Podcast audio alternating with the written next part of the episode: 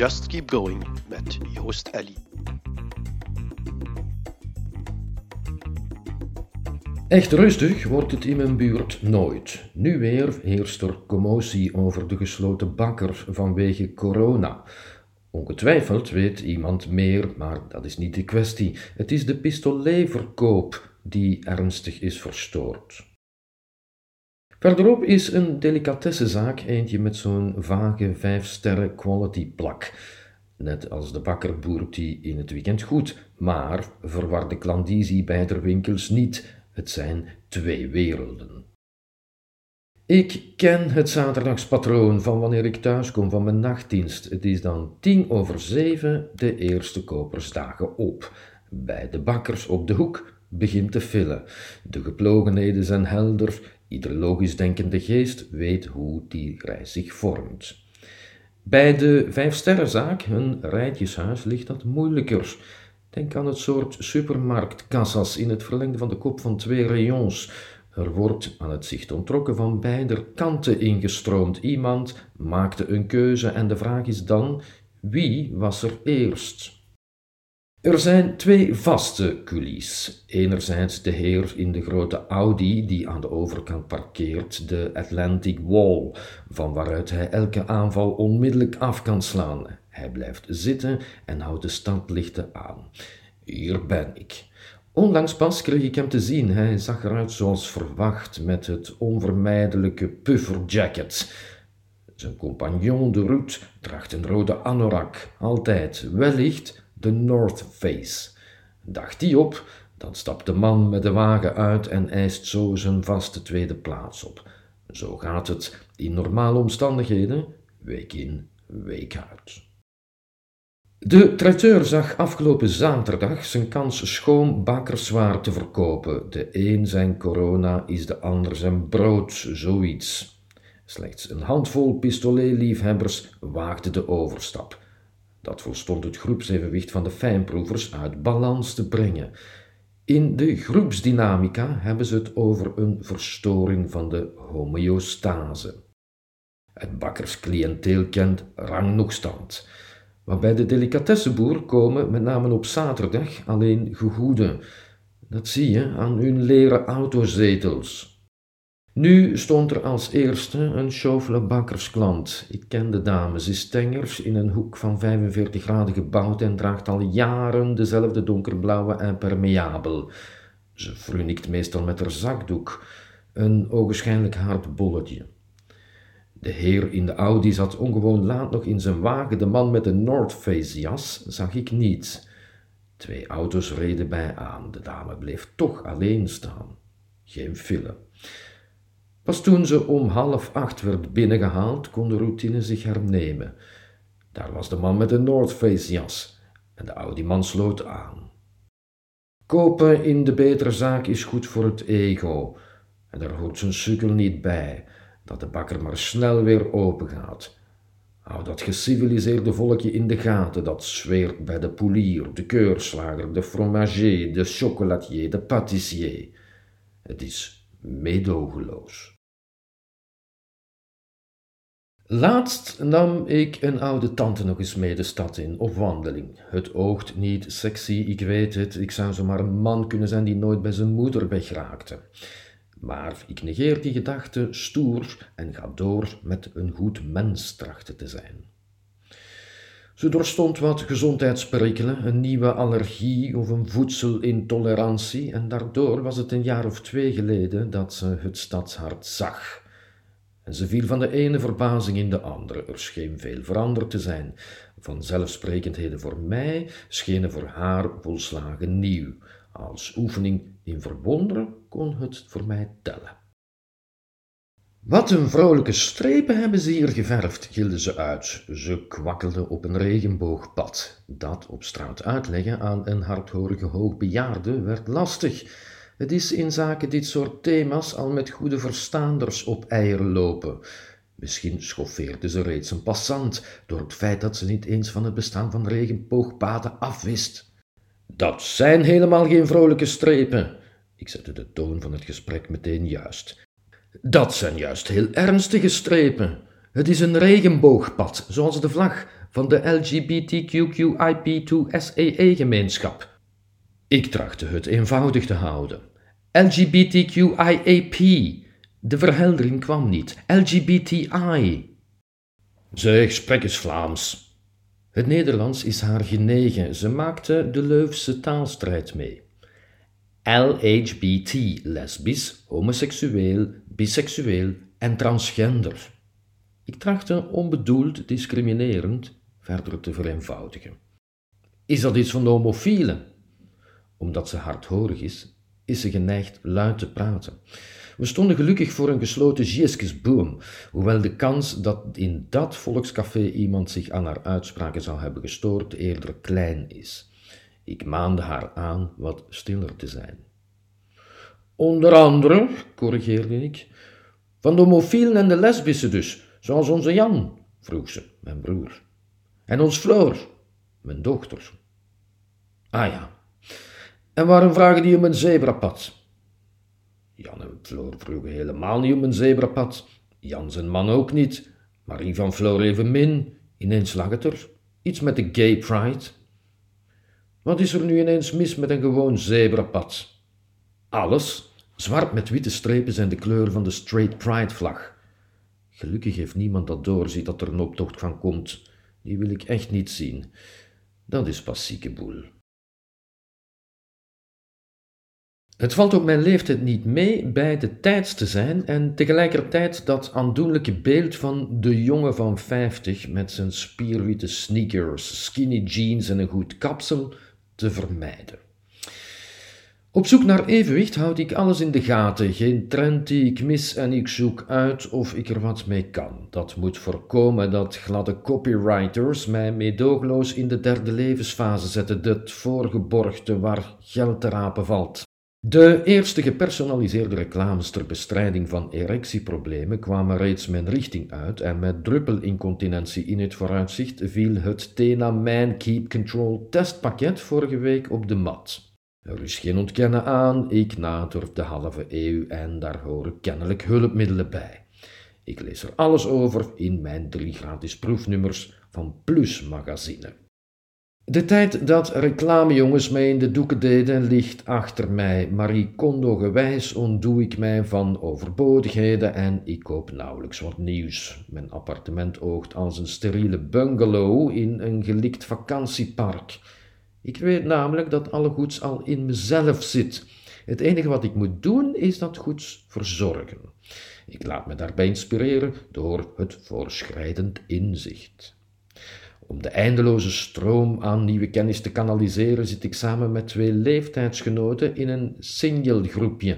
Jazeker, WhatsApp is uit, dat weten wij. En dat heet toepasselijk vinger aan de pols. In de coulissen updaten we elkaar aangaande de heersende tendensen. We experimenteren en delen ervaringen in besloten kring.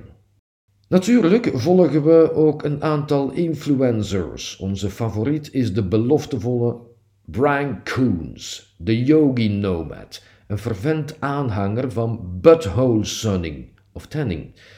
Op maandagochtend een kwartier in naakte rugligging met de benen omhoog en opengesperde billen de anus een zonnebad gunnen. Een volkomen opgeladen systeem is het weekresultaat en elke pep wordt overbodig. Koens haalde de mosterd bij Ra of Earth, een toffe peer die het gezichtsmasker van menstrueel bloed een warm hart toedraagt. Dubieus, maar het gegeven dat ook de sekspriesteres Metaphysical Megan een bezield anaalbaatster is, neemt alle twijfel weg. Ze belooft meer creativiteit, een gezond libido, een diepere slaap, betere focus, mentale stimulatie en de regulering van de hormoonfunctie in de geslachtsorganen. Ik wacht nog op de eerste bevindingen van mijn deelgenoten. Dat veelvuldig zaadloze prostaatkanker tegengaat is oud nieuws. Binnen ons groepje hebben we met die gedachte geen enkel probleem. In die sfeer trok de Texaanse YouTuber Conor Murphy onze aandacht. Hij adviseert, met het oog op een grotere spiermassa, het sperma drinken van andere mannen. Aan dat idee is het toch even wennen. Niet in het laatst stelt zich de vraag wiens teelvocht moet dat dan wel zijn. Er ontstond ook onmiddellijk wat competitiviteit. We raken niet uit de rolverdeling. Wie eerst komt, eerst maalt. Of net niet. Het groepje staat even onhold. Net toen ik de fnak binnenging, begon Jacco Vlaai druk te doen tegen de portier. Hij weigerde de handgel, ervan overtuigd dat de veiligheidsagent hem ermee wilde vergiftigen. Voor wie, zoals ik, zijn brood verdient in de psychiatrie en in de stadsrand woont, is werk en privé gescheiden houden niet altijd eenvoudig. Ik mijd patiënten in mijn vrije tijd, daar is niks mis mee overigens, maar wanneer ik ze tegenkom, zijn ze er natuurlijk wel. Ik ben niet zo'n type zorgverlener die zich onmisbaar waant, behalve op woensdagnamiddag, vrijdag, zaterdag, zon- en feestdagen, op brugdagen tussen kerst en nieuwjaar tijdens de korte schoolvakanties en, naar keuze, de ganse maand juli of augustus. Zo eentje die zich vernederd voelt wanneer hij niet bij elke banale beslissing over een patiënt betrokken wordt, maar er niet aan denkt om in de stad te gaan huizen, omdat hij hem daar voortdurend tegenkomt. Hij resideert op het platteland, wauwelt over reïntegratie van zijn cliënt en zadelt de stadsmens ermee op. Ja, opzadelen, want dat is het soms. Er heerst een jammerlijke trend in de geestelijke gezondheidszorg. Die heeft als doel vrijheidsbeperkende maatregelen terug te dringen. Lees afzonderingen in de volksmond isolaties. En het aantal ziekenhuisbedden af te bouwen. De plaats van de psychiatrische patiënt is niet langer in een instelling, maar in de maatschappij. Dat is een vervelende mode, omdat het kind met het badwater dreigt te worden weggegooid. Elke vorm van dwang wordt onbespreekbaar en tot vervelens toe worden patiënten gedwongen om het buiten te gaan proberen. Dwang is soms de meest verantwoorde keuze en voor sommige patiënten is een verblijf in een instelling het beste wat hen kan overkomen maar dat durf ik al lang niet meer luidop te zeggen. Ik leerde Jaco Vlaai kennen als geïnterneerde. Hij werd vanuit de gevangenis bij ons opgenomen. Ik had een boon voor die gast. Hij had iets innemend.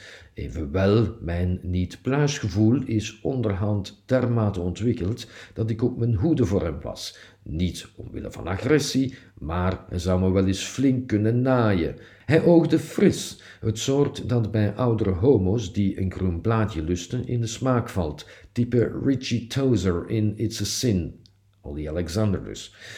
En dat wist hij maar al te goed, het had hem geen windeieren gelegd.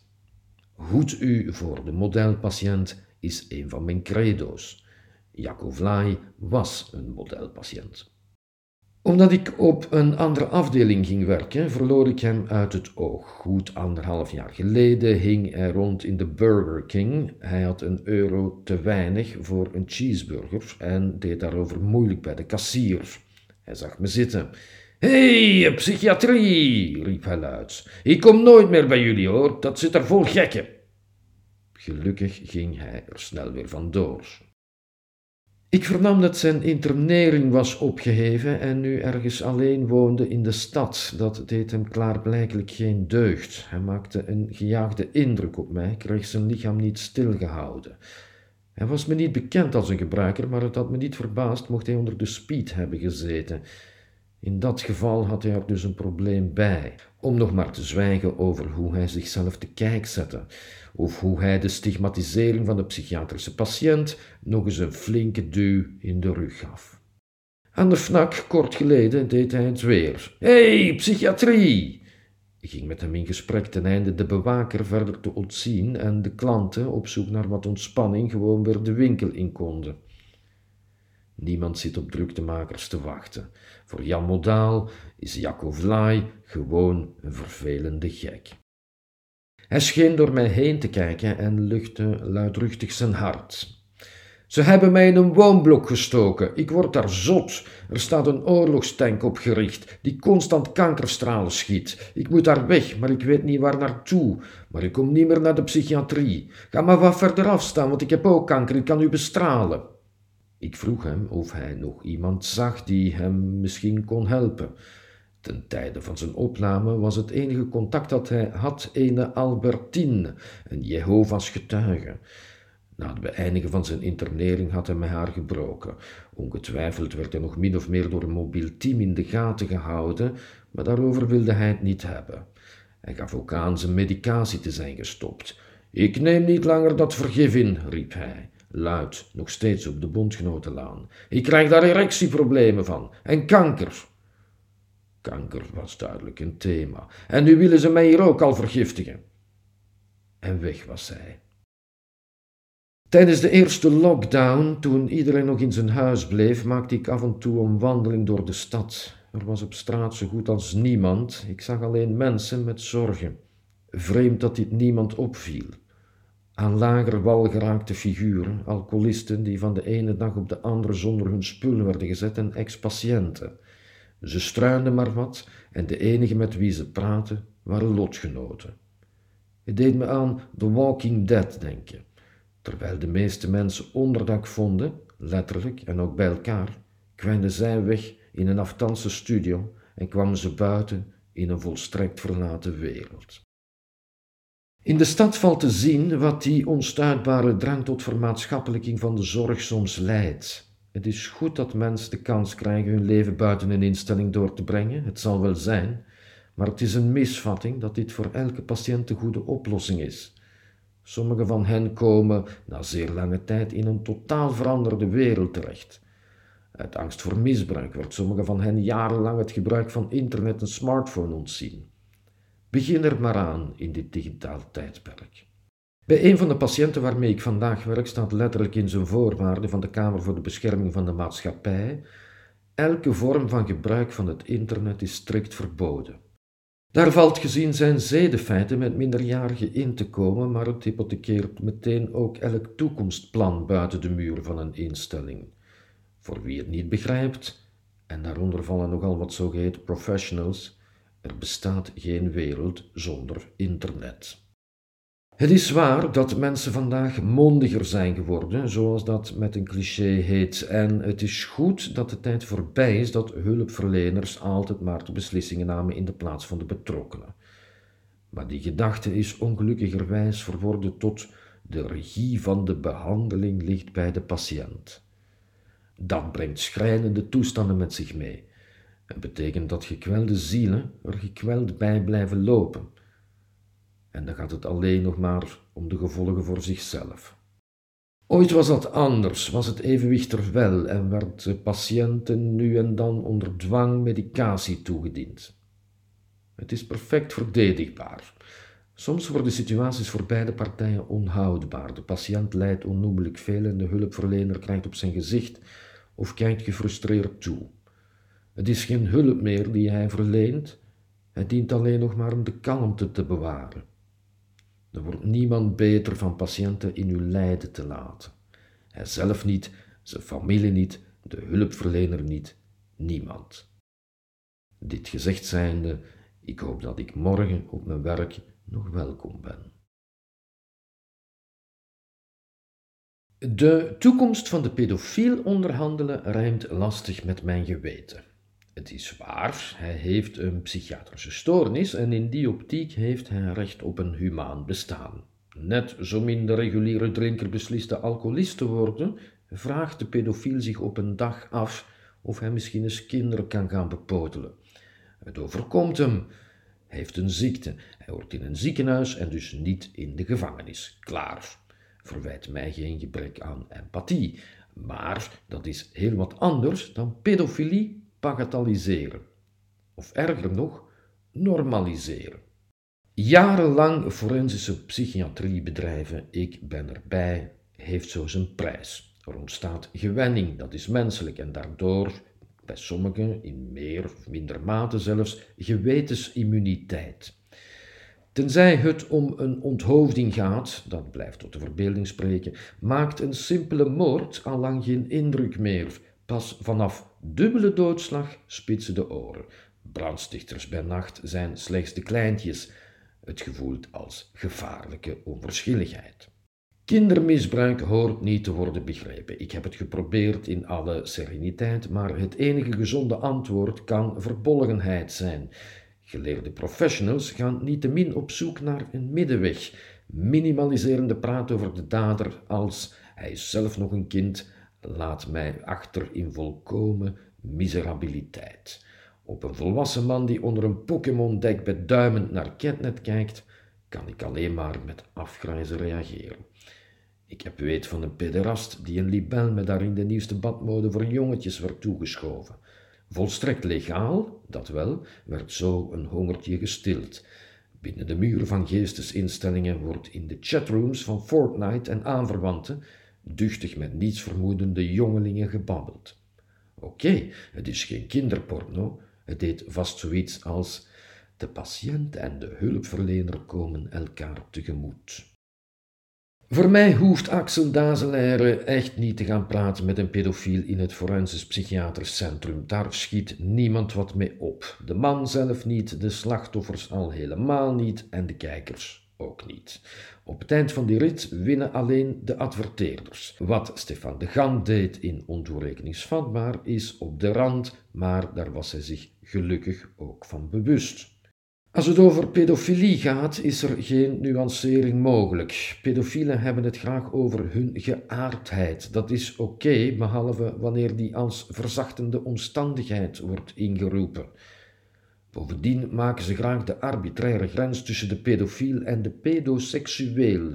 Natuurlijk vergrijpt de kinderverkrachter zich ernstiger dan de kinderlokker, maar daar heeft het slachtoffer van de tweede niks aan. Merkwaardig dat wanneer het om stalking bij volwassenen gaat, dat onderscheid quasi niet wordt gemaakt. Ik heb nooit gemeenschap gehad, zei Dennis in ontoerekeningsvatbaar. Ze zeiden niks en ze kwamen altijd terug, zei hij. Pedofilie als een geaardheid beschouwen maakt de situatie zo mogelijk nog precairder. Je moet het meemaken om het te voelen wanneer er op de campus van ons ziekenhuis kinderen spelen en de pedofiel achter het raam postvat. Hij hoeft niet eens iets te doen, alleen al die aanblik maakt kotsmisselijk. Als het klopt dat het om een geaardheid gaat, valt er dus helemaal niks te genezen. Een behandeling lijkt uitgesloten. Ik dacht dat we klaar waren met de homofiel naar de psychiater te sturen. Het wordt schandalig bevonden. Merkwaardig hoe anno 2021 toch weer gekeken wordt naar wat we de pedofiel aan behandeling te bieden hebben. En hoe de creativiteit daarbij lijkt te eindigen met chemische castratie. De pedofiel hoeft voor mij niet dood, dat is wat pedohunters willen. De kernpedofiel koos er niet voor om op kinderen te vallen. Ik werk al bijna 30 jaar voor een instelling wiens missie me erg dierbaar is. We zorgen ervoor de zwaksten der zwaksten, voor wie elders uit de boot valt. Het is mooi om te zien hoe de meest kwetsbare mensen bij ons terecht kunnen. Dat is wat maakt dat ik nog elke dag trots naar mijn werk ga. Maar het lijkt fout te zijn geworden om ook op het gebied van empathie in die grenzen te denken. En dat verontrust. De pedofiel is bij mij welkom, maar het is wel om nooit meer weg te gaan. En nooit meer is voor altijd. De resultaten van de pompeuze Kesseloze enquête Vorm 3010 zijn bekend. Mijn gevreesde voorspellingen komen daarmee uit. De uitslag is representatief voor hoe de groene elite onder het mom van burgerinspraak ons een rad voor ogen draait in de hele Vlaamse ruit. De rest van het land staat erbij en kijkt ernaar. Bewoners werden middels een online vragenlijst gepolst naar hoe zij hun gemeente in de toekomst zien. Schrijf het op, stelde ik drie maanden geleden in Plasbeton, een ander stukje. We stevenen af op een Kesselo met nog meer straten exclusief voor vergunninghouders, plaatselijk verkeer, besloten parkings voor bakfietsen en stadsbloembakken waarvan je de ecologische voetafdruk niet wil kennen. In Nederland hebben ze het, analoog aan ons Vlaams stedelijk kerngebied, die Vlaamse ruit dus, over randstedelijke arrogantie. Daar woont het clubje dat onder meer stelt dat we het er inmiddels met z'n allen wel over eens zijn dat Zwarte Piet niet meer van deze tijd is. Een uitspraak zo absurd dat ze alleen kan gedaan worden door iemand die nooit buiten de grote steden komt. Een onverplicht referendum is vaak een maat voor niks, schreef ik nog. Het zal vooral de stem van de slimmerik zijn die doorweegt. En al dus, 82% van de respondenten is hoger opgeleid. Voor het gemak werd niet verder ingegaan op het profiel van de stemmers. Er werd hooguit onderscheid gemaakt in leeftijd. 50% van de deelnemers is tussen de 26 en de 45 jaar oud. En geslacht. Geen woord over etniciteit. De Nederlandse sociaal-ecoloog Tiemo Heilbron, directeur van Fawakan Nederland, heeft het nogthans over een gigantisch gebrek aan diversiteit bij de groene prominenten. Hij kwam daar zelf achter toen hij een prijs in het groene wereldje in ontvangst mocht gaan nemen. Hij heeft het over witte, hoogopgeleide mensen die elkaar op de schouders en zichzelf op de borst kloppen. Kijk, ons is goed bezig zijn. Zo'n sfeer. De meerderheid van de stemmers, 62%, vindt dat straten regelmatig afgesloten mogen worden voor ontmoeting en ontspanning. 56% wil wonen in een straat met veel groen, speel- en ontmoetingsruimte. 65% wil dat auto's vooral uit de woonwijken geweerd worden. 54% neemt het vaakst de fiets. En, dat zegt wellicht meer, slechts een 3% neemt het vaakst de wagen. Het mag duidelijk zijn wie hier heeft gestemd. Het valt merkwaardig te noemen dat Vooruit op de gewestelijke barricade staat tegen het afschaffen van de stemplicht voor de lokale en provinciale verkiezingen. Vlaams volksvertegenwoordiger Kurt de Loop verwoordt het zo. Vooral lager opgeleide, jongeren en mensen met een lager inkomen hebben de neiging om niet te gaan stemmen als het niet verplicht is. Ook minderheidsgroepen zouden de verkiezingen sneller aan zich laten voorbijgaan. Die redenering gaat plots niet meer op voor het overwegend rood-groene Leuvense college van burgemeesters en schepenen. Een vrijblijvend referendum draait dus uit zoals voorspeld. Of hoe peilingsuitslagen bij voorbaat worden gemanipuleerd door de manier waarop ze worden gehouden. Hier, in de Kesseloze vragenronde, spint vooruit er volop garen bij. Bij de gemeenteraadsverkiezingen zal het een zuur opbreken, en dat weten ze maar nu komt het even goed uit. Willen we echt terug naar de tijd waar slechts een deel van de bevolking vooral hoger opgeleide politiek mee beslist? vraagt de loop zich nog af. Nee dus. Maar dat is wat het soort enquêtes als Vorm 3010 wel in de hand werkt. Van mij mag het allemaal, maar verkoop het niet als democratie.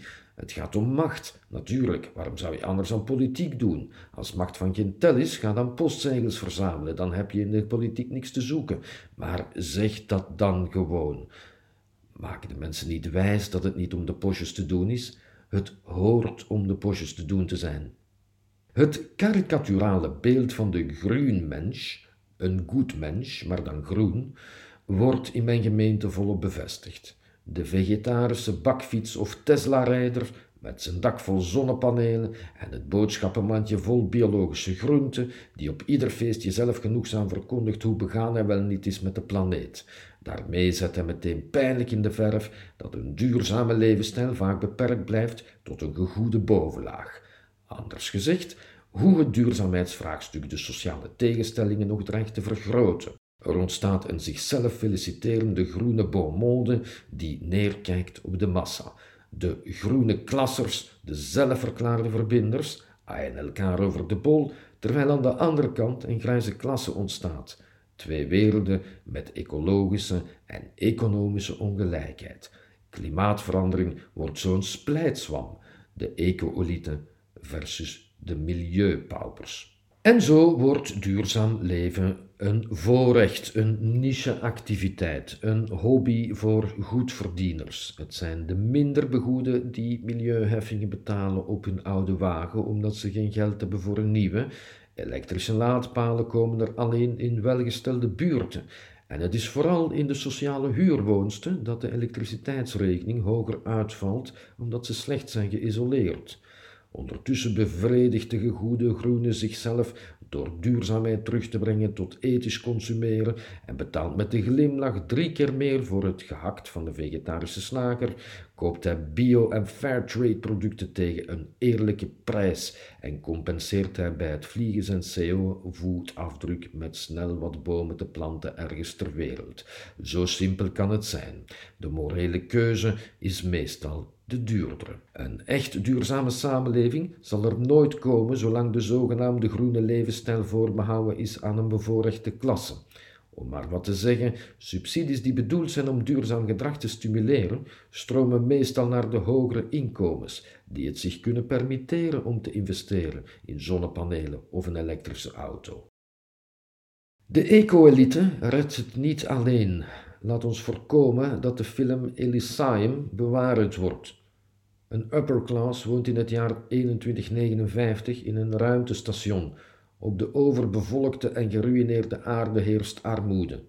De facto bestaat Elysium her en der al, in de mooie groene wijken, waarin vooral witte burgers erg duurzaam leven. Zolang duurzaamheidsprojecten niet worden gedragen door de hele bevolking, blijft het een maat voor niks. Er zal, naast een overheidsbeleid, van onderop moeten worden gewerkt. Met jongere, kansarme allochtonen die zelf ervaren hoe ze het verschil kunnen maken. Maar daar krijg je vuile handen van. Een automatische incasso naar Oxfam werkt zoveel makkelijker. Dat is waar.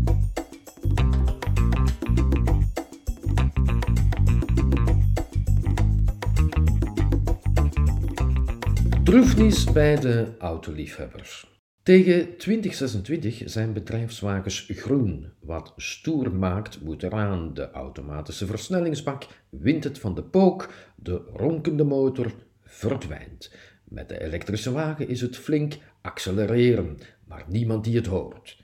En er kan geen trekhaak aan. Ging het vroeger om de rij-eigenschappen, nu schijnen boordlader, connectiviteit en rijhulpsystemen doorslaggevend. Rijhulpsystemen, seriously? Maar sinds Porsche de Taycan heeft, is vergroening en simplificatie van het wagenpark een feit. Als je morgen een hond met een hoed op denkt te zien rijden, zou het nog waar kunnen zijn ook.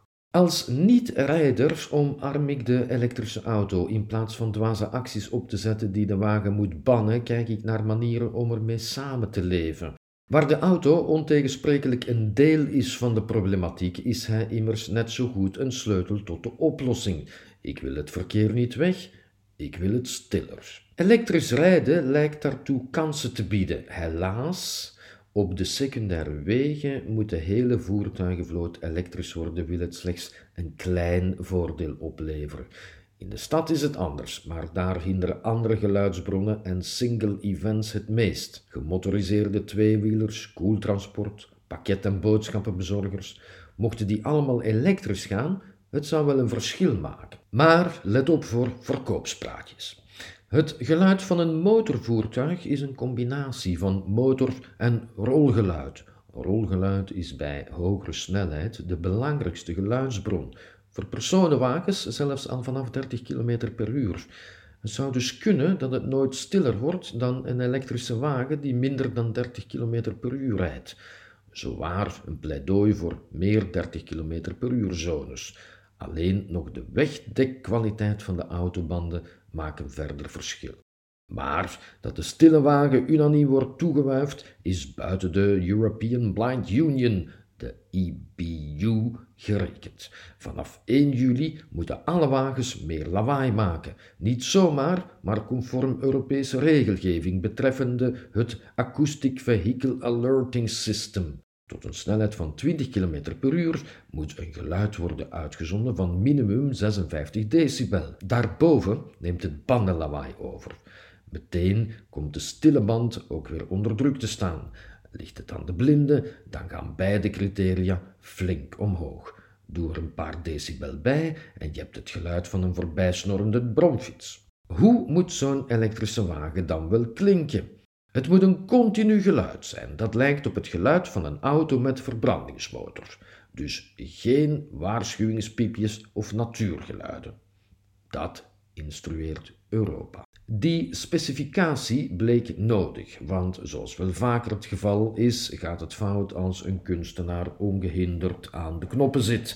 Dat merkten ze bij Jaguar, wanneer ze de voor hun iPace ontworpen futuristische toon, door zo'n creatief brein bedacht, aan een testpanel lieten horen. Toen de auto voorbij reed, keken de testpersonen niet naar links of naar rechts, maar naar boven.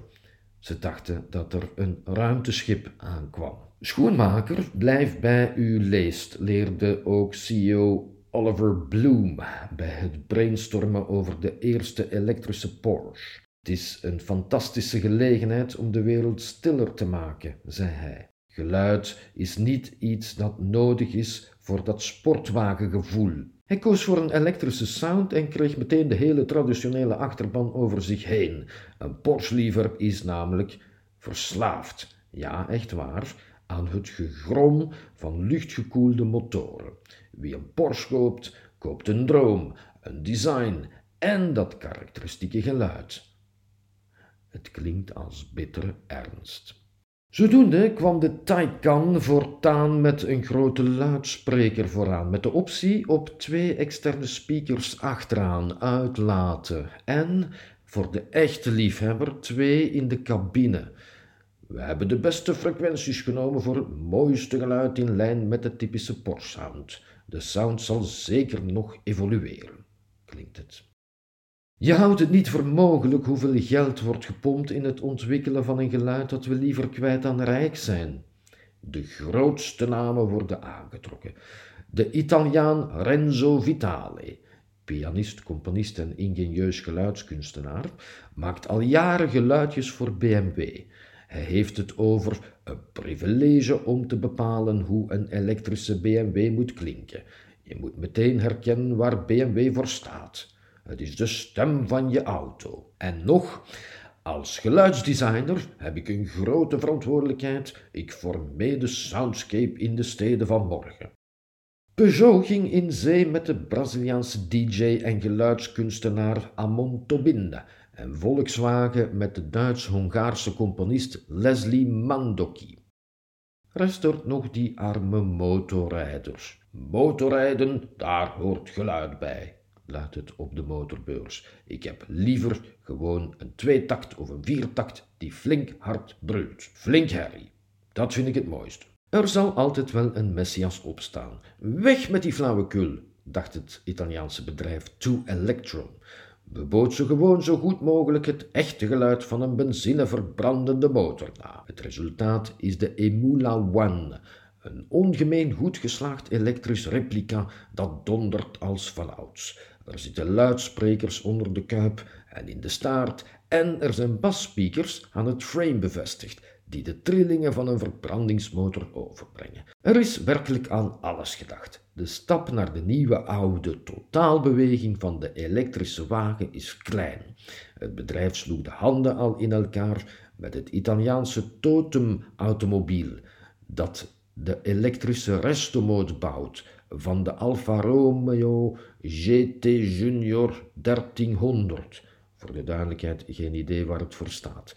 In die Totem GT Electric heb je het gevoel in klassieke Alfa Romeo's te zitten, inclusief de vibraties die bij dat vehikel horen. Met acht speakers en een subwoofer wordt het kenmerkende geluid met de buitenwereld gedeeld. Bij de Emula One bestaat ook de optie via Bluetooth het geluid naar een soundsysteem in de helm te sturen. Omstaanders horen dan niks en de rijder geniet met volle teugen. Wellicht gaat het hier om een vergissing, een fabrikagefout. Het is immers slechts een kwestie van tijd vooraleer de software wordt vervangen door het geluid van kapotte knalpotten. Over één ding zijn de meeste auto- en motorfreaks het wel eens. De acceleratietijden van de elektrische motorvoertuigen maakt veel goed. Er kan ongemeen hard en snel worden opgetrokken. Hell yeah! Onder mij woont een Afghaans-Iraans gezin. Soms zeg ik Albanees, Irakees. Ik haal die dingen door elkaar. Bij Malta en Malaga doe ik het ook. Als jongetje al had ik het met Marokko en Mallorca.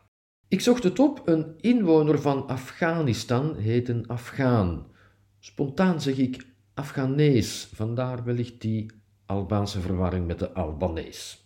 Wahid heeft een frituur achter het station. Geen obscure pitabar dus, en hij werkt er met witte jobstudenten. Ik heb het over wit, omdat blank in tegenstelling tot zwart een positieve connotatie heeft.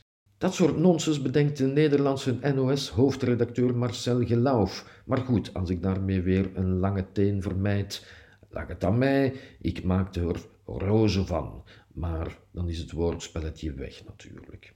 Met hun dochtertje praten Wahid en Asma Nederlands. Wahid vindt het vast lastig dat ik het erover heb. Hij is namelijk het liefst gewoon Belg. Alleen de geuren van kurkuma en komijn, feshenoen en mantus en shallow kabab verraden een verschil. Ik mag mijn buren. Wahid en Asma laten multiculturalisme slagen, gewoon omdat het er niet steeds over gaat. Ik ben degene die over begint. Hoezo al die vreemden zetten de sociale cohesie overal onder druk? Maar Wahid deed nog nooit het gras af. Een neaat in het inburgeringstraject. Hij zelf gaat vrijuit. Ooit bedekte bos en gras Afghanistan, ongeveer Frankrijk groot, nagenoeg helemaal, maar de woestijn kreeg vrij spel door de jaren oorlog en illegale houtkap. Slechts 2,5% rest groen. Op die 16.300 vierkante kilometer, pakweg zo groot als Wallonië, krijg je nooit 38 miljoen Afghanen het grasmaaien geleerd. Waarom zouden ze ook? Bij hun intrek liet ik het gezinnetje de gemeenschappelijke tuin. Geen getuinier meer voor mij, mijn grasmachine kregen ze erbij. Waid keek een beetje vreemd bij dat cadeau. Krenkte ik hem misschien? In zorgen voor mama op één, een kijktip, zagen we pas nog hoe vernederend een gift soms voelt. Vorige maand was het hoge woord eruit. Joost, kan u mij helpen het gras afrijden? Ik maakte van die geestige vraag net geen laperrespot.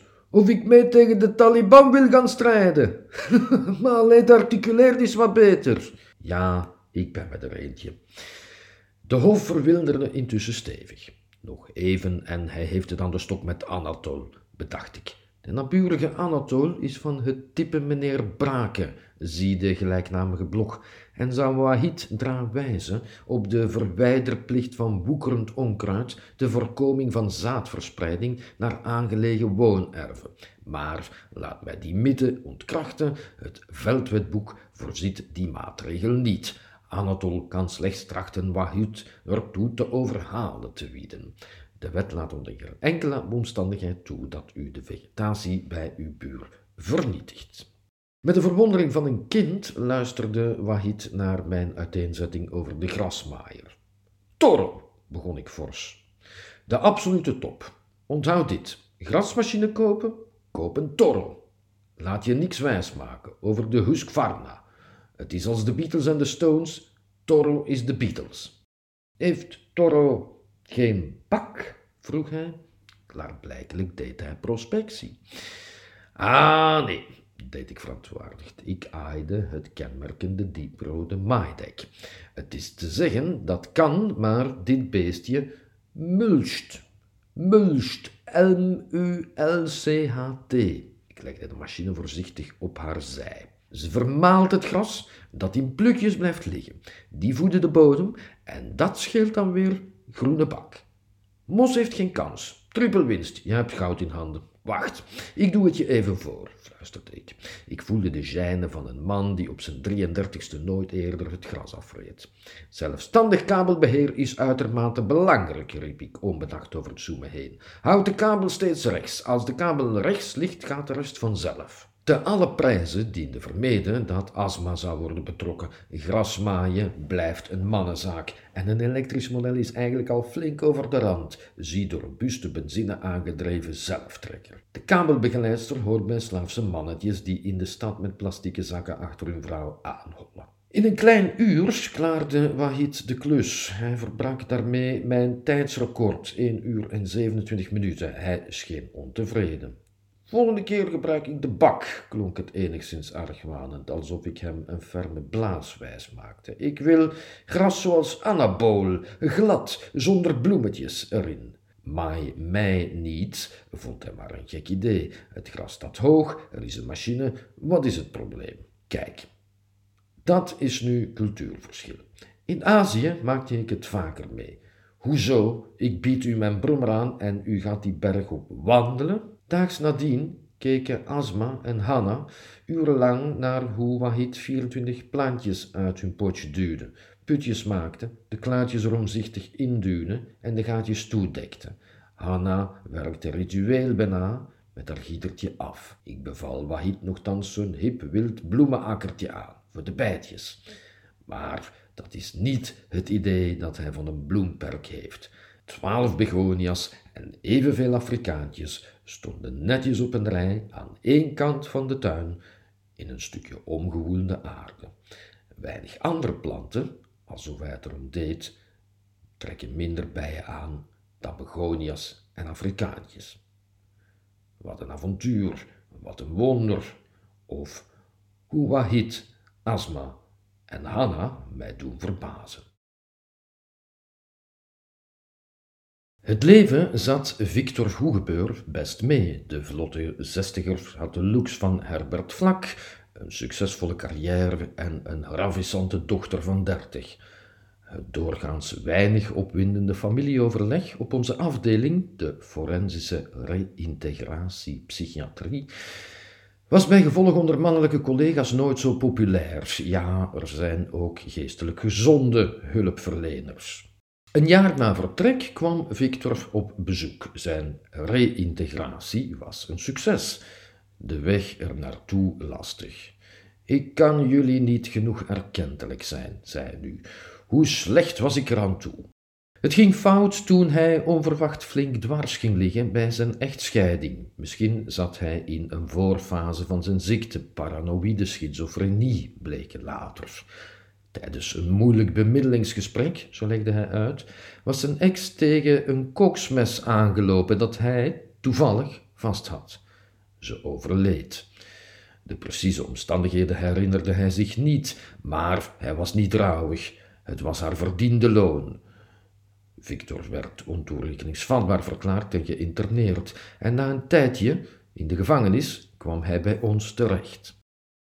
Om van ons gezeur verlost te zijn, erkende hij zijn feiten als moord. Daarna zagen we hem steeds minder. De flamboyante grijsaard voelde zich misbegrepen. Een oplichter, ruim je op, het was zij of ik. Dat is logica, zei hij. Hij werd zwaar depressief. Hij weigerde medicatie, wellicht vanuit een vergiftigingswaan. Dat lieten de artsen dan maar blauw-blauw. Het was het begin van die irritante nieuwe wind in de geestelijke gezondheidszorg, waar we maar niet van afraken met holle frasen als de hulpverlener verleent geen hulp wanneer niet door de patiënt gewenst, of ik zoek geen hulpverlener, maar een bondgenoot. Nou, goed, zoek dan maar verder, want ik ga niet in jouw gelukkigheid mee. Gefrustreerde teams en dolgedraaide patiënten zijn het resultaat. Victor liet niemand meer in de kamer. Slechts bij de maaltijden daagde hij op. Iedereen wordt aan tafel verwacht, dat is een afdelingsafspraak. Regels worden in de psychiatrie door hun bedenkers consequent afspraken genoemd. Een afspraak maak je nogthans met twee. Die afspraken vallen bovendien merkwaardig genoeg ook nooit onder de vrijheidsbeperkende maatregelen die zo hard worden bestreden, terwijl ze dat de facto zijn.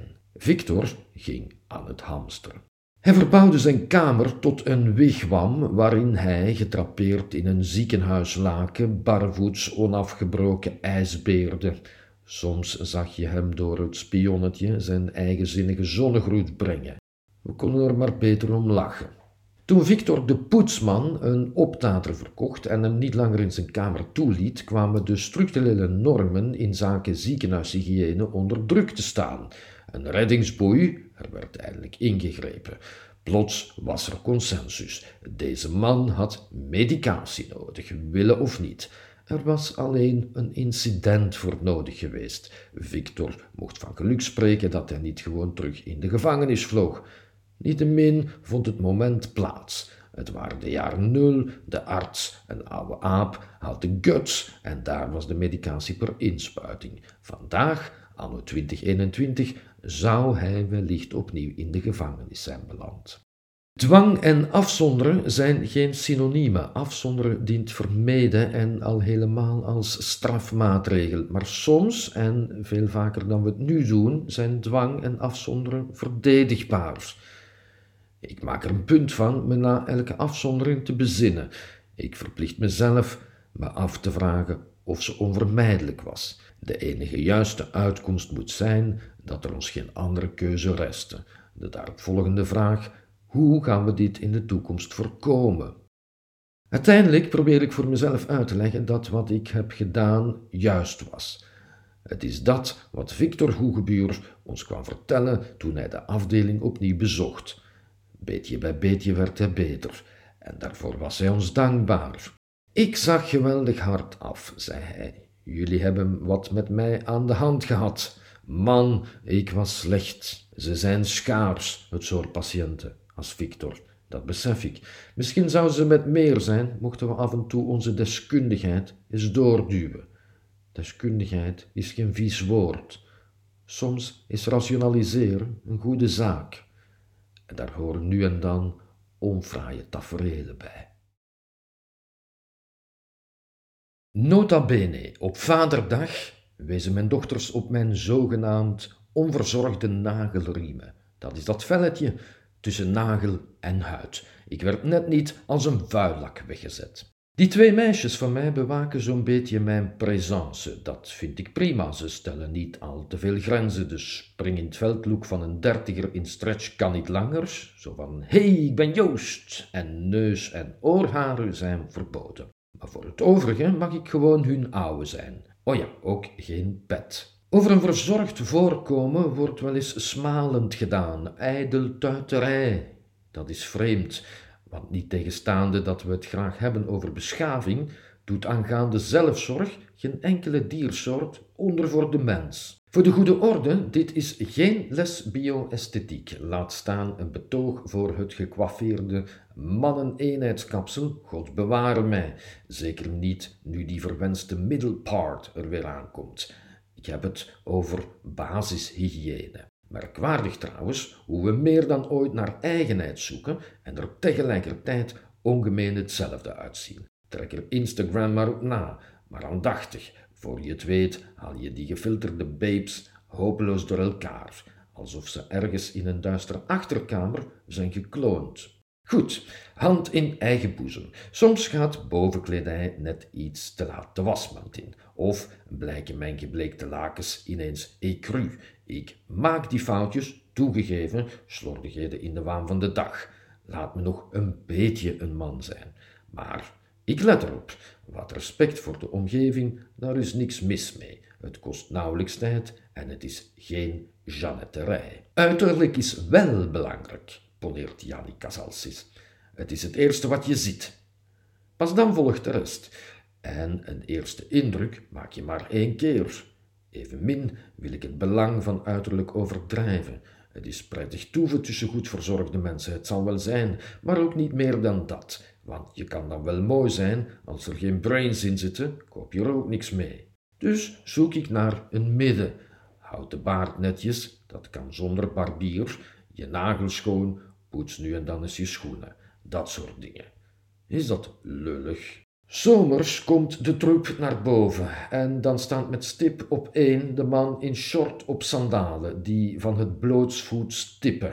Zelfs de sandalendrager met sokken draag ik een warmer hart toe, want de mannenvoet, op geringe leeftijd al, biedt maar weinig fraais. Onlangs stond ik achter zo'n onguur type bij de bankautomaat. In de zelfbank leven we plots nog dichter op elkaar. Tijdens het wachten las ik op zijn onderste ledematen mijn cursus ziekteleer van weleer af. Vasculaire pathologie, orthopedie, dermatologie, podologie, reumatologie en onigopathie, aandoeningen van de nagel. Zowaar een opfrissing Concreet, spataders, blauwe plekken, krapletsels, de knieprothese, de holvoet, de hamerteen, de klauwteen, de likdoorn. Daarbovenop de topstukken, de schimmelvoet, de vertrouwde eeltplaat, de ingegroeide nagel en de kalknagel. Eén man. Er was geen weg terug. Binnen de kortste keren had zijn stank zich in mijn neus vastgezet. Beeld je er die typische geur van tropische warme zelfbank bij in. Voor zulk een gedrag, in casu de vorm waarin dit heerschap zich zonder gêne buiten begaf, bestaat een woord. Decorumverlies. Het betekent dat je gedrag niet is aangepast aan je omgeving waarin je je bevindt. Het decorum. Er valt wat te zeggen voor een hygiënepolitie, of op zijn minst zouden we de openheid moeten creëren elkaar op die dingen aan te spreken. Uh, mag ik u vragen uw haar te gaan wassen? Kan u de volgende keer gesloten schoenen dragen? Trekt u wanneer u sandalen draagt sokken aan? Het kan concreter. Oh, tja, ik heb hier geheel toevallig een tube dactarin mee. Neemt u hem gerust van mij aan. Eenmaal daags aanbrengen volstaat. Of frankers. Ik ontwaar gaatjes aan uw hiel. Uw schimmel voelt zich kennelijk prettig. Ruikt u ook een kaaswinkel? Ik ben altijd helemaal verzorgd, zijn kokette collega klaar om in het ziekenhuis terecht te komen. Gelijk heeft ze, ik spreek ervan mee van tijdens mijn opleiding verpleegkunde. Wat spoed- en operatieafdelingen elke dag binnenkrijgen, taart elke verbeelding. Weinig viezere dingen dan een ongewassen mens. Bij uitstek onder het scheerwollen maatpak en het zijden de vind je van alles. Ik bespaar u de details van uw voeten en geslachtsdelen. En het is altijd uitkijken naar wat er uit de navelbuiken wordt gepulkt. Ga er maar aan staan. Mensen zouden zich beter douchen in plaats van te staan klappen. Daar heeft de zorg veel meer aan. Op vlak van properteit is what you see is what you get een boetade. Zo, en nu maar eens mijn tanden. Een vriendin deed het ook, met een doe-het-zelf pakje van AliExpress. In het duister geeft haar gebit nu een beetje licht. Schone schijn. En dan mijn nagelriemen, dat ook nog. Het is zover. Ik ben anders gaan leven. Niet alleen koop ik bewust aardappelen recht van het veld, tomaten van de plukboerderij, de korte keten. Ik eet ook gezonder, paleo, dus Boliviaanse zaden, Canadese noten en Nieuw-Zeelands grasgevoerd runs. Van dat laatste zeg ik niet zoren dat ik mijn ecologische voetafdruk verdubbel, maar hé, hey, ik doe tenminste wat. Natuurlijk draag ik alleen nog ethisch verantwoorde kledij, niet langer made in Bangladesh, maar hergesteld in Duitsland. Hashtag who made my clothes. Die laatste ommekeer maak je niet zomaar. Plots hoor daar chique boutiques bij die ik jarenlang voorbij liep. Het was best spannend me onder de burgerij mengen. Het vraagt voorstudie. Die bovenklasse is gelukkig snel doorgrond. Ze gedraagt zich stereotyp en schuwt de clichés niet. Zo winkelt ze op zaterdag langs platgetreden paden. Voor de Wagyu filet naar de edelslager, voor de pitchfork cheddar naar de kaasmeester en de rode poon komt van bij de poissonnier. Voorspelbaarheid stelt gerust. Waar shopt de burgerij dat strakke pak en het tailleur? Vast bij Bos. En daar zit in mijn hoofd moet ik dus zijn voor mijn ethisch vervaardigd pulletje, want prijzig is vast eerlijk. Kopen bij Bos leek mij ernstig. Vraag 1. Welke indruk maak ik bij mijn intrede? Van de architect, de logicus, de debater, de verdediger, de virtuoos, de entertainer. Doe ik een typetje, de gepijnigde kunstenaar in kostuum, type Nick Cave, de zakenman, de advocaat misschien. Zonder veel moeite lijk ik op Hans Rieder. Het werd gedurfd informeel. Twee weken geleden de vuurdoop. Goddank geen volk. Winkelen op afspraak is top. Mijn vriend Bart hielp mij de drempel over. Ik zou niet doodgaan, in nood kent men zijn vrienden. Een bekende stiliste onthaalde hartelijk. Ze keek naar Bart. Bart komt altijd net van bij de barbier en is het soort mooie man dat zelfs met zeeman straalt. Het is voor hem, zei Bart, wijzend naar mij. Ik zoek een strak pulletje, klonk het fors, alsof ik het honderd keer voor de spiegel oefende. Dat was ook zo, zoals de etalagepop erin draagt, hield Bart. Goed bedoeld, maar tegelijk afbreuk doende aan mijn geveinsde doortastendheid. Ik weet wat jij zoekt, zei de stiliste. Ze tutoyeerde. Je doet me aan iemand denken, voegde ze toe. Hoezo? vroeg ik. Toch niet aan Sven Ornelis, vast aan Kamal Karmach, de guitige dikker dus. Of toch Hans Rieder, aan David Dessers, zei ze. Oei, maar dat is een mooie man. Dat overkwam mij weer. David Dessers, van Groen, de creative genius of de Leuvense circulatieplannen, die niemand snapt, de parkeerplaatsenhater. Ze kent hem natuurlijk goed, ze zetelen samen in de gemeenteraad, maar ze wist duidelijk niet dat ze hier te maken had met Joost Ellie, de fameuze blogger, die Dessers al een paar keer flink de mantel uitveegde. Maar goed, ik onthoud dat een bekende stiliste mij een mooie man vindt, in ieder geval met mondkapje. Dat strakke pulletje vond ze maar niks. Het lijkt een pyjama, maar wacht, ik heb wat voor jou. Ze wilde niet ontgoochelen, of gewoon verkopen, dat kan ook. Je ziet dat ik mijn best voor je doe. Probeer dit eens. Polo? De polokraag kan voor mijn dochters nooit. Ik begrijp hun afkeer ervoor niet. Iets in hun opvoeding wellicht, dat heb ik gemist. Maar kijk, dit truitje paste best en de twijfelende klant werd overtuigd. Laat mensen in hun waarde en ze eten uit je hand. Dat wist ook de stiliste. Verwaande verkopers, doe met deze wijsheid uw voordeel. Willen jullie champagne? Dit werd wel heel gezellig. Vieren ze hier elke verkochte trui met drank? Hier zat vast meer achter. Champagne als verkrachtingsdrug. Ik heb nog een idee. Ah, daar kwam de kat op de koord. Ze verdween opgewonden en kwam terug met een gestreepte sweater. Een marinière, zei ik meesmuilend. Nee, dit is gewoon een trui met wit-blauwe strepen, zei ze. Mooi, hè? Is dit nu niet wat gay? vroeg ik, misschien iets te luid. Wow, zou we dat punt nu niet voorbij, wierp ze tegen, enigszins verrast. Ze ging er vast vanuit dat Bart en ik een paar waren. Bart de chaser en ik de chubby bear, zoiets. Ja, het ligt gevoelig, grapte Bart. Toch maar niet, hier was ik nog niet klaar voor. Lees de roos en het zwaard van Asterix maar eens. Dan zie je wat de Bretonse streep zelfs met een heel volk kan doen. Over Asterix ging het bij Bos vast nooit eerder. Nog steeds benieuwd naar het profiel van de Bos-klant, kreeg ik er op de valreep een te zien. Meneer Slagers, wordt u al geholpen? vroeg de stiliste. Meneer, inderdaad, en weg was ze. Voor deze klant werd gezorgd. Slagers, daar hoort vast een dure golfnaam bij. Dat kan nooit Piet of Jan zijn, maar Dieudonné of Beauregard. Nee, dat krijgt hij vast zelf niet uitgesproken. Ik doopte hem Deze dertiger, type model met beardstache, in casual maatpak, daaronder de Alexander McQueen sneakers van Conor Rousseau, kwam niet onvoorbereid. Afgaande op zijn hagelwitte schoenen kon het niet anders dan dat hij binnenshuis in zijn wagen stapte en zich stationeerde op zijn eigen co-parkeerplaats, tien meter verderop. Hij rijdt vast met een wagen waarvan ik alleen al de banden niet wil betalen. In zijn hand de iPhone 12 Pro Max, waarmee hij druk in de weer was. Er was iets dat niet kon wachten, een tennisuitslag of zo. Om zijn hals droeg hij de Apple AirPod Max, zomaar. Deze man had alles behalve een lach. Bij de uitgang knoeide ik met de alcoholgel. Ik liep weer naar de kassa. Ik heb een kwakje gemorst, riep ik. Dolly Slagers keek op, iets wat geïrriteerd. Wie morst met opkuisen? klonk het schalks bij de verkoopsters. Misschien deed het hem wel deugd te mogen grappen. Kijk uit waar u dadelijk loopt, meneer Dolly Slagers, riep ik nog na. Ik heb een foto nodig voor de blog, vroeg ik drie musicalvriendinnetjes later die dag. Het opzet, jullie vinden mij onweerstaanbaar. Ik moest het geen twee keer vragen, de kleren maken niet altijd de man.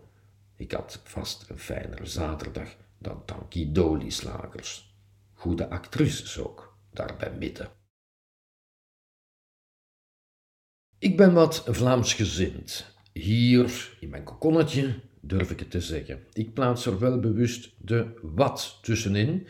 Dat geeft me de ruimte om me eruit te lullen wanneer het te vervelend wordt. Buiten zetten grote mensen mij daarom meteen weg als NVA'ers, een scheldnaam, of Vlaams Belangers. Ik ken niemand die NVA stemt, nochtans de grootste partij van Vlaanderen. Het schijnt iets te zijn waarmee je niet uitpakt, uit vrees op je donder te krijgen. Ik ken wel volop mensen die vooruit en groen stemmen. Volkseigenheid voelen lijkt verderfelijk en dat is vreemd. Overal doet men het. Het heet folklore en we reizen er naartoe. De ruimdenkende rugzaktoerist op kop. Waar het midden niet wordt gevonden, woedt oorlog. Een beetje volksliefde afdoen als nationalisme is flauw. Dat het meteen solidariteit met andere volkeren uitsluit, ook. Frappant is dat die afwijzing vaak uit culturele hoek komt. Daar, nogthans, begon de Vlaamse beweging, met conscience en consorten, met het cultuurflamingantisme. De schrijvers en de werken die later bekend zijn gebleven, waren bijna allemaal betrokken bij de Vlaamse zaak. Het was hen om het overleven van het Nederlands in België te doen. Daar moeten we weer naartoe. Pas vanaf de Eerste Wereldoorlog maakte de beweging die verwenste ruk naar rechts en kwam er nooit meer van los. Wie zich het lot van de Aboriginals of de Kayapo aantrekt, of kolonisatie in het algemeen verwerpelijk vindt, en dat doen we hopelijk allemaal, moet zich toch ook kunnen vinden in het voorbestaan van de Vlaamse cultuur. België prijkt op de 25e plaats in de lijst van welvaartsstaten. Er zijn net geen 200 landen zeggen dat België niet werkt, vaak aangehaald in deze coronacrisis of na de overstromingen, houdt dus geen steek. Laten we dat nog maar eens goed beseffen. Maar waar taal onbekommerdheid in de weg staat, ontstaat verdeeldheid met soms doden als gevolg. Zo ontstond de taalstrijd met die bittere nasmaak.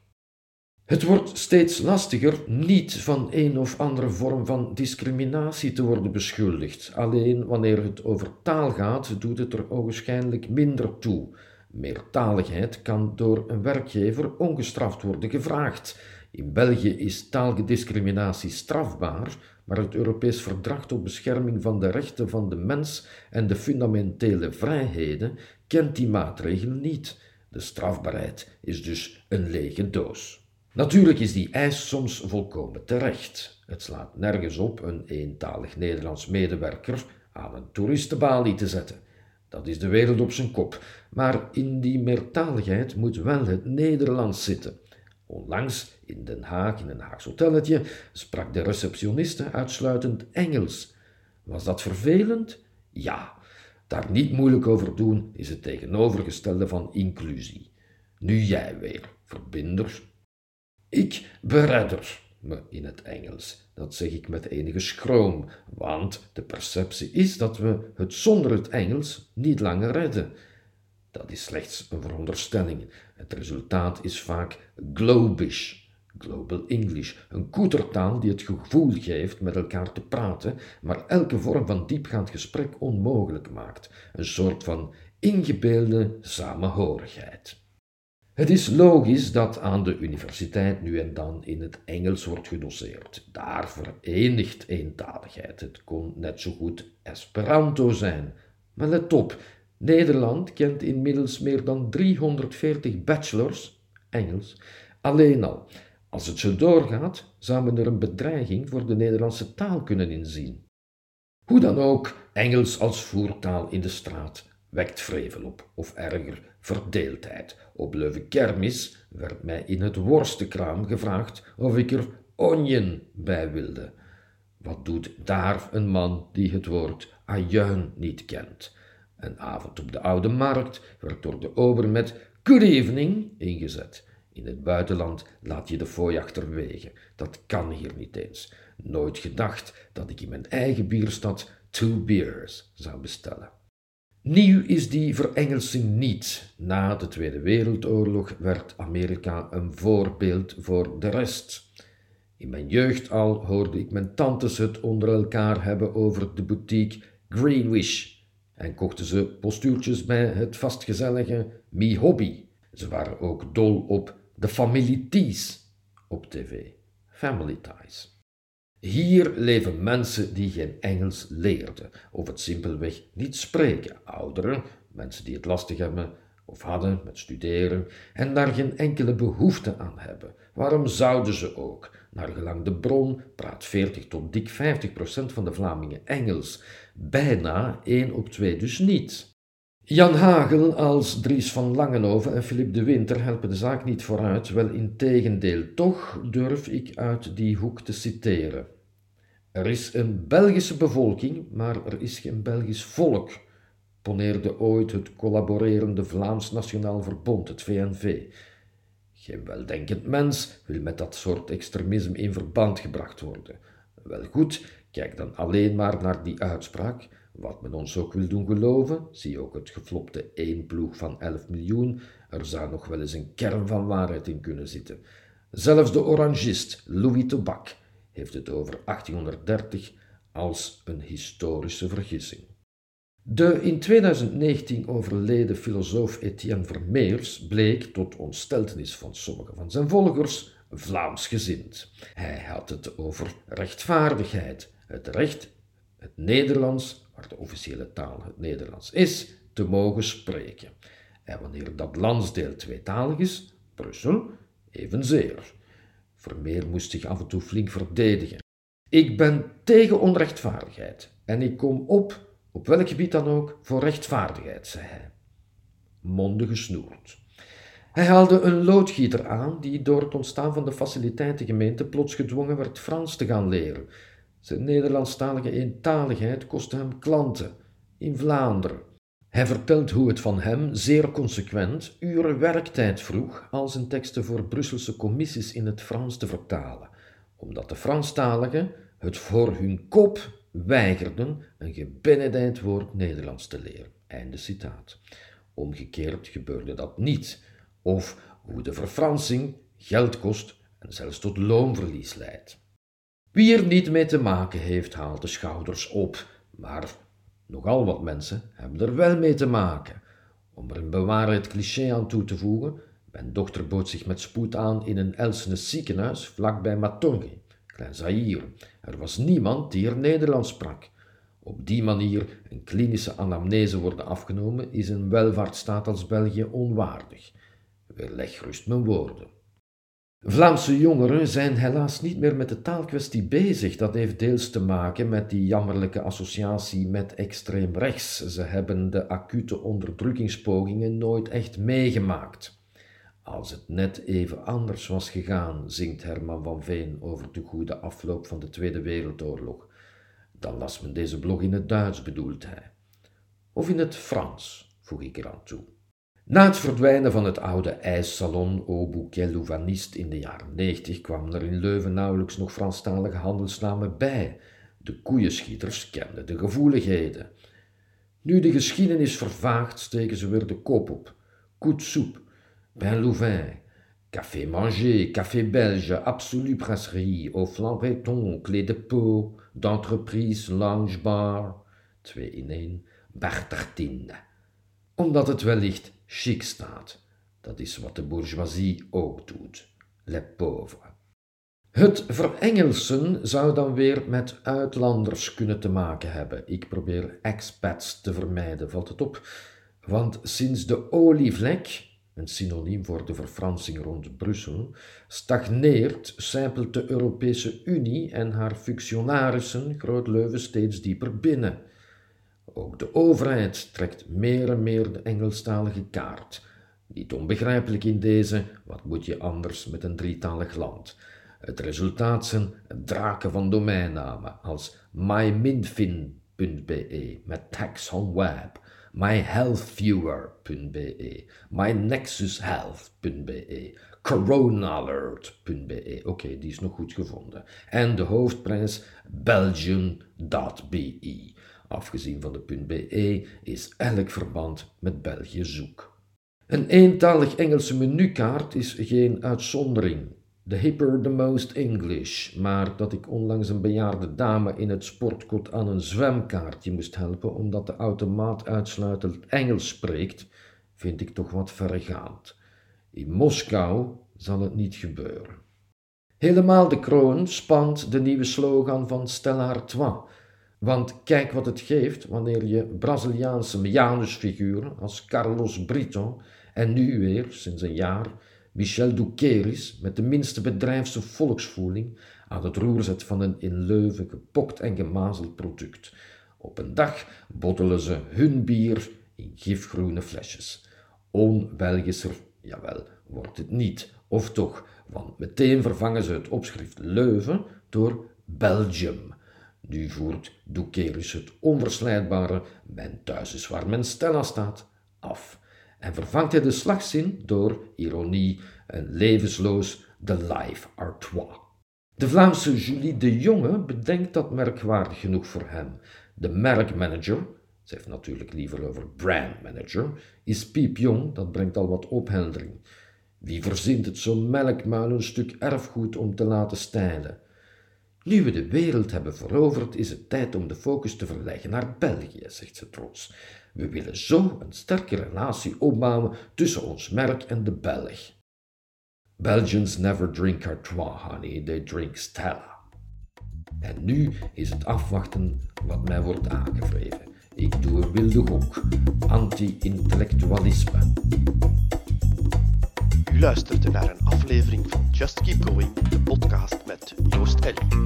Voor andere blogs en nog veel meer surft u naar joostellie.be. Graag tot een volgende keer.